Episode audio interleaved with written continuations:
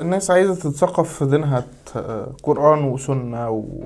إيه اللي يضرك في حاجة زي ما؟ هي دي بقى القضية اللي إحنا بنتكلم عليها إن هو بس مش بيديك آه، قرآن وسنة بالشكل ال- ال- البسيط أو الشكل اللي هو بيديهولك الأزهر لا ده هم دول ناس لهم خلفيات آه، فكرية معينة لهم نسخة إسلام معينة ما بيدك ما بيدكش الحاجات دي خام مثلا يعني. مثلا ما بيدكش القرآن خام ما بيدكش مثلا السنة خام وانت تفهمها بمفهومك. لا هو عنده تأويله اللي بيديهولك مع ما يطلق عليه ال- ال- ال- العلوم الشرعية اللي هو بيديها لك دي. فهنا بقى هنا بقى مشكلة إن إحنا بنعيد إنتاج قاعدة شعبية جديدة ل- لجماعات الإسلام السياسي أو الجماعات السلفية ولكن من خلال الأكاديميات الإلكترونية.